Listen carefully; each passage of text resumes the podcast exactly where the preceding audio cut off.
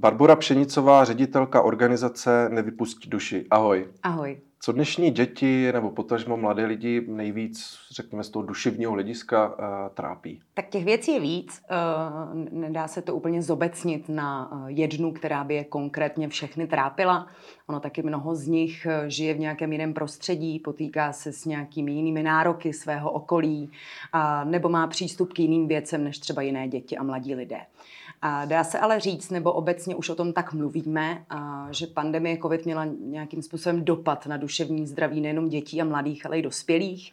A takže jednou z těch věcí a, je v podstatě nějaká jako jejich dlouhodobá izolace od eh, svých kontaktů, od přátel, ale i od toho školského prostředí a vlastně od toho fungování v těch kolektivech což mělo nebo může mít za následek um, často se vyskytující um, nějaké, my to dneska rámujeme něco jako nechození do školy. Jo. Mnoho Aha. dětí nebo mladých se vlastně potýká s tím, že je pro ně nějak náročné do té školy docházet, a nějak se izolují od kolektivů, ve kterých trávili předtím čas. Zároveň ale hodně často mluvíme, a nejenom my, jako v Nevypust duši, ale i jiné organizace, instituce, které se vlastně zabývají nejenom duševním zdravím. Mluví hodně o tom, že velký vliv na jejich duševní pohodu um, mají, má, má svět online, ať už se bavíme o sociálních sítích, nebo se bavíme o hrách, nebo o čemkoliv jiném, protože nějakým způsobem dochází k tomu, uh, a sice nechci bavit o závislostech, protože to není úplně mm, nějaká, dá se říct, parketa moje, a, ale určitě se děje to, že děti v tom online prostředí tráví rozhodně více času, než sami chtějí, a rozhodně s menším zájmem dospělých okolo, než by si přáli a, a dá se i říct, že to nějakým způsobem má vliv na jejich vidění světa. A, a tím, že, nebo my si to tak vysvětlujeme, tím, že vlastně děti a mladí se teprve jako učí v něm nějak být, učí se mm, nějak objevovat svoje hodnoty, i to tím, kdo jsou, a tak to online prostředí má samozřejmě vliv na to, jak oni potom sami sebe vnímají, nebo by možná měli vnímat, nebo čeho by měli hmm. dosahovat. Tak to je taky jedna z dalších nějakých obtíží. V tom mm, slovníku um, duševních obtíží konkrétních se můžeme bavit o nějakých zvyšujících se počtech úzkostí nebo výskytu úzkostí mezi dětmi a mladými, uh, zvýšení počtu sebepoškozování mezi mladými a tak dále. Dobře, a jak je to teď? Eh, děti mají prázdniny.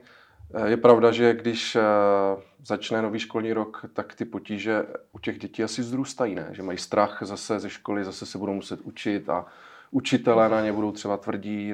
Je to tak? Ano, ty, ty ná, nebo respektive ty nároky, které pojmenováváš, um, jsou nějakým způsobem pro ně taky něco, co zasahuje do jejich duševní pohody.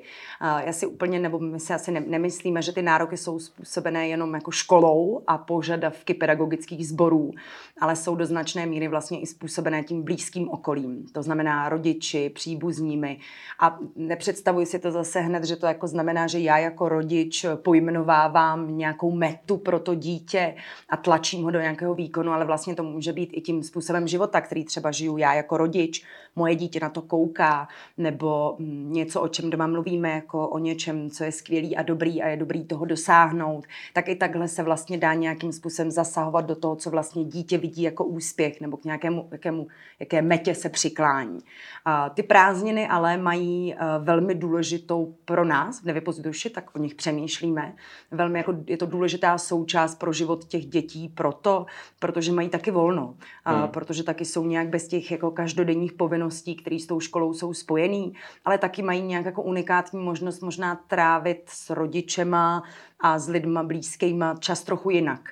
Já myslím, že to znáš, hmm. já to znám taky, eh, že vlastně v tom běžném roce jsme trochu jako uhoněný, jo? do práce, z práce, do školky, do školy, ze školy, úkoly, kroužky, nevím co. A nezbývá moc času na takový ty jako neformální rozhovory nebo na, na takovou tu blízkost vzájemnou.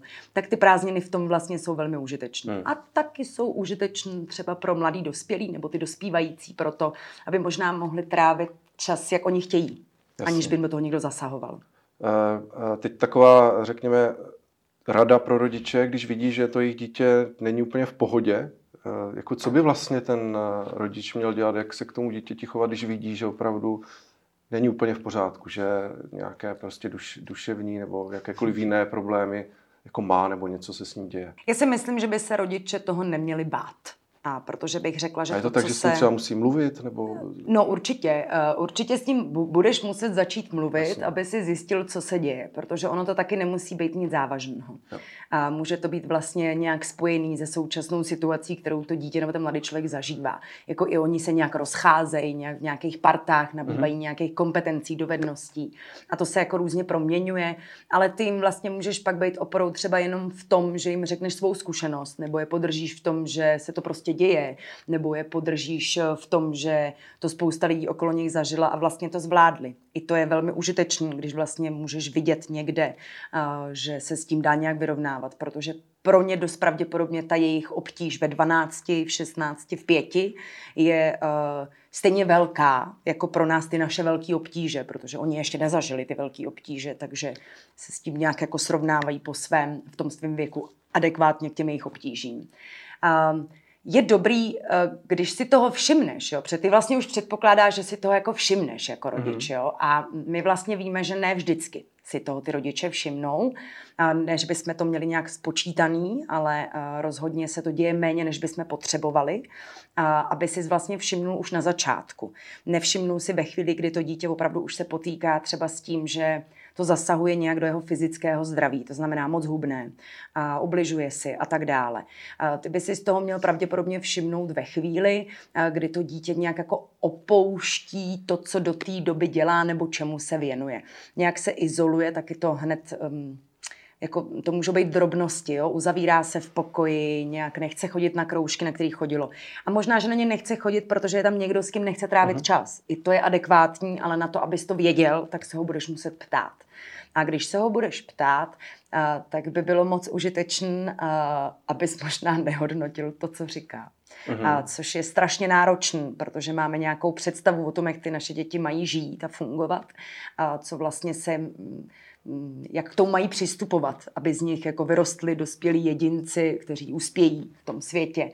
A, takže máme nějak jako potřebu se připojovat k tomu, co řešej, ve smyslu, jako to je hloupost a teď to vlastně se vůbec nic neděje a, a vždyť to se napraví a tak dále. Ale oni nějak v tom svém to takhle nežijou a tak je dobrý možná k tomu přistupovat bez těchto věd, Eh, to bude dobrý a, a určitě je taky dobrý uh, nenabízet hned řešení a možná hledat to řešení spolu s tím dítětem nebo mladým člověkem, protože oni v mý hlavě a z mý praxe vlastně občas jako vědějí, co by chtěli jinak, nebo jak by si to představovali. A nemusí to být velké věci. Na druhou stranu přijde mi, že eh, velmi důležitou součást toho, toho života dětí jsou samozřejmě, nebo je škola a jsou učitelé, kteří je učí tam si myslím, že asi může být problém, protože eh, je otázka, jak se k ním chovají nebo nechovají, jak vnímají nebo nevnímají eh, ti učitelé právě ten stav toho dítěte. Eh, jak to vlastně je? Jsou vůbec ti učitelé k tomu nějak připraveni? Vnímají to, řeší to, neřeší? Jaké máte zkušenosti z praxe jako organizace? Uh, tak uh my předpokládáme, že když to dítě vyrůstá jako v rodině, kde má jako tu oporu a může ji mhm. tam hledat, tak je pro něj taky náročně, eh, jako jednodušší fungovat v tom světě mimo tu rodinu.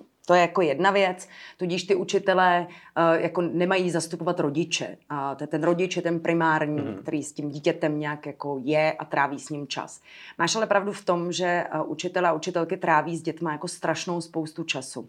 Když si to spočítáš, kolik je to hodin denně, a, tak je to opravdu hodně. A dost často ty věci vidějí. A hmm. protože vlastně jednak vidí, jak se jim to dítě proměňuje a během té docházky nebo během toho školního roku, a, ale taky vlastně ho vidí nějak jako v jiných situacích. Vidí ho v kolektivu, a, což ten rodič možná nevždycky vidí. A vidí ho nějak jako jednat ve chvílích, kdy možná dochází k nějakým krizi, jako dostal jsem pětku, teď jsem se to dozvěděl. Jo, to jsou ty první věci, které ten pedagog, pedagožka vlastně zaznamenávají. Eh, myslím, že je mnoho těch, eh, kteří o tom tématu jako velmi přemýšlí. My vlastně pracujeme s pedagogickými sbory, pracujeme i jako s dětmi a s mladými v těch školách a nějak považujeme za důležitý vytvářet to prostředí v té škole jako bezpečný. A, což může znamenat mnoho věcí, abych to tady, tady byli dlouho. A to znamená, že je to prostředí, kde to dítě se nebojí říct si o pomoc, ví, na koho se má v té škole obrátit. Zároveň ten člověk na té druhé straně to nějak slyší a má ty nástroje a podpůrný aparát pro to, aby s tím mohl nějak pracovat. A to, že je spousta škol, kde už se to děje, jako reálně, je nějaký fakt, my to taky vidíme. Je taky spousta organizací, institucí, které se vlastně snaží přinášet ty nástroje do těch škol a jsou v tom jako různě úspěšní, ale dá se říct, že více než úspěšní. To, že to je ve vládní strategii propsaný, že je to propsaný v partnerství 2030+, plus, v rámcových vzdělávacích plánech, že se tomu tématu vlastně máme věnovat, jsou taky jako fakta obecně známí, nebo minimálně pro nás v tom našem rybníce. Uh, my si ale myslíme, že vlastně tady to začíná a končí trochu u něčeho, co se jmenuje vzdělávací a výchovná role školy. A školy byly svýho času jenom vzdělávací institucí nebo v nějakém jako rámci byly převážně vzdělávací hmm. institucí a není to tak dávno. Tím pádem nemají nějak jako potřebu možná některé z těch škol věnovat tomu tématu tu pozornost, protože mají pocit, že jim ta výchovná role nepřísluší. Hmm. Odpověděla jsem na otázku. Jo, no, já se chci ještě trošku na to zeptat, jestli s tím učitelé umí pracovat, protože znám spoustu příkladů konkrétních z okolí, kdy některé děti jsou prostě nějakým způsobem přecitlivělé, nějak špatně reagují v té škole a často ti učitelé to tak jako trošku eh, tomu nedávají pozornost. Ještě tam cítím tak možná nějakou tu komunistickou přezíravost eh, vůči tomu dítěti. Eh, je to prostě problém, ne? Pořád. A ještě tím, jak ty děti možná dneska i jsou víc citlivější vzhledem k tomu, jako jak se všech stran na ně eh, prostě míří ty, ty videa a youtubeři a, a teď nechci všechno zmiňovat, jo, jako tak ten svět je trošku jiný, že jo, takže nevím, jak si ty učitelé vůbec jako v tohle vnímají. Ten svět je jiný a já si ale nemyslím, že my jako dospělí musíme nutně rozumět světu dětí. Hmm. A myslím, že ho musíme respektovat, a protože teď jsem chtěla říct, stejně jako moji rodiče respektovali můj svět, hmm. očekávala bych, že to vlastně budeme dělat i my. Já myslím, že nemůžeš všemu rozumět, protože v tom nežiješ, Jasně. protože prostě na TikToku nejsi, videa tam nesleduješ a dost pravděpodobně uh, rozhodně ne ta videa, uh, který sledují tvoje nebo moje děti. Jo. Hmm. A, a to je trochu ten rozdíl. Proč si myslím, že ta naše touha nějak jako porozumět tomu, proč a co tam dělají za každou cenu, vlastně nějak jako nemůže být naplněná. A jo, možná smíření se s tím, že tomu nemusíme rozumět, ale můžeme být parťákem nebo parťačkou. A můžeme být vlastně oporou těm dětem, učit je v tom nějak být, protože to si myslím, že nám jako role jako přísluší a přísluší i těm pedagogickým sborům. Ostatně eh, trochu směřujeme k tomu, že i to je vzdělávací. Směřovat k tomu, učit ty děti vlastně žít v tom světě, který je možná trochu odlišný, i když mu tak nerozumíme, protože ono se jako některé eh, věci se nemění. Jo? To, jak komunikuju s lidma, kdy je to milý, kdy je to slušný, kde jsou nějaké moje hranice, jak je poznám. To jsou věci, které se nemění, až jsou dost individuální, takže na to nemusím mít jak jako ten hmm. rámec nebo kontext. Zároveň eh, je jako spousta škol, kde já bych jako nerada, aby teď jako pedagogové, pedagožky měli představu, že musí mít ty nástroje. Jo? Oni to nemají vyřešit, oni si mají všimnout. A pokud na to ty nástroje mají, a tady se můžeme bavit o tom, že umí třeba vést práci ze třídou, nebo hmm. uh, jejich metodička prevence dokáže pracovat s nějakýma jevama, které se tam objevují v té třídě. Nebo když dítě přijde za pedagogem, pedagožko, že na mě nějak jako není dobře, tak on ví, nebo dokáže nějak srovnat varovné signály a říct, OK, tohle už je varovný signál něčeho, je třeba se obrátit na někoho jiného. A v tom podpůrném aparátu našeho, našem, jako českým, jako mnoho organizací a institucí, které vlastně nabízejí tu pomocnou ruku. Ta škola by je měla znát. To bych hmm. řekla, že je trochu její práce. Nebo by měla vědět, na koho se obrátit a kdo jim pomůže do toho nějak vstoupit, do toho prostředí pomocného. Hmm. Ale určitě nechceme po pedagozích a pedagožkách, aby byly krizovými interventy a interventkami. To by byl jako hmm. obrovský nárok, který si myslím, že jim nepřísluší. Vůbec to téma, proč řešíme, je i z toho důvodu, že jsem se dočetl, že 70% lidí s, s nějakou duševní poruchou, eh, že u nich se ta nemoc Eh, rozvinula už před 24. Eh, rokem. Je to tak? Ano, u 75% těch, eh, nebo takhle, u lidí, kteří se v dospělosti potýkají s duševním onemocněním, tak vlastně u 75% z nich se to rozvinulo mezi 14. a 25. Hmm. a u 50% z nich, a teď se to nějak jako počítá, ještě před tím jako 14. rokem. To vlastně dává tušit to hlavní a to je to, že s těma duševníma obtížema se dost pravděpodobně setkáš před 24. rokem hmm. z valní části.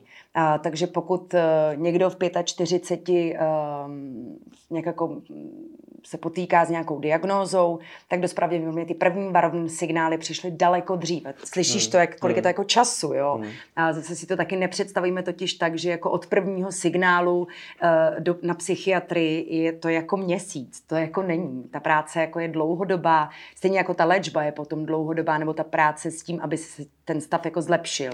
Takže opravdu to není tak, že když eh, začne být moje dítě skleslé, tak já musím zavolat na psychiatrii a začít to tam řešit. Tam, tam rozhodně ne, tam bych nezačínala, pokud se to dítě neohrožuje fyzicky na zdraví nějak, nebo skutečně jako, už jako ne, nezvládá svůj život ani ta rodina nějak. Jo. To, ten, hmm. to je jako ten limit pro nás, kdy to tu psychiatrii jako vyžaduje, ale předtím je spousta jiných věcí a tak jako tak stejně budeš začínat v tom okolí a v té rodině. Hmm, hmm. A ty jsi zmiňovala, že ty školy samozřejmě, ti učitelé asi by neměli být, nebo ani nemohou být psychologové a všechny tyhle věci řešit, ale že by měli vědět, kam se obrátit.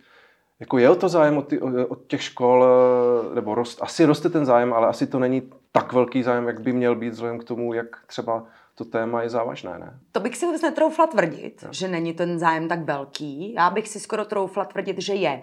Aha. Část těch škol totiž uh, to cítí jako téma, protože je pro ně skutečně důležité protože nějak jako nechtějí, aby těm dětem nebylo dobře. Jako ještě taky vycházíme z hypotézy, že opravdu jako je část pedagogů, kteří jako mají rádi ty děti jako jsou s nimi rádi, rádi učej, je to pro ně nějak důležitý, aby to pro ty děti bylo užitečné.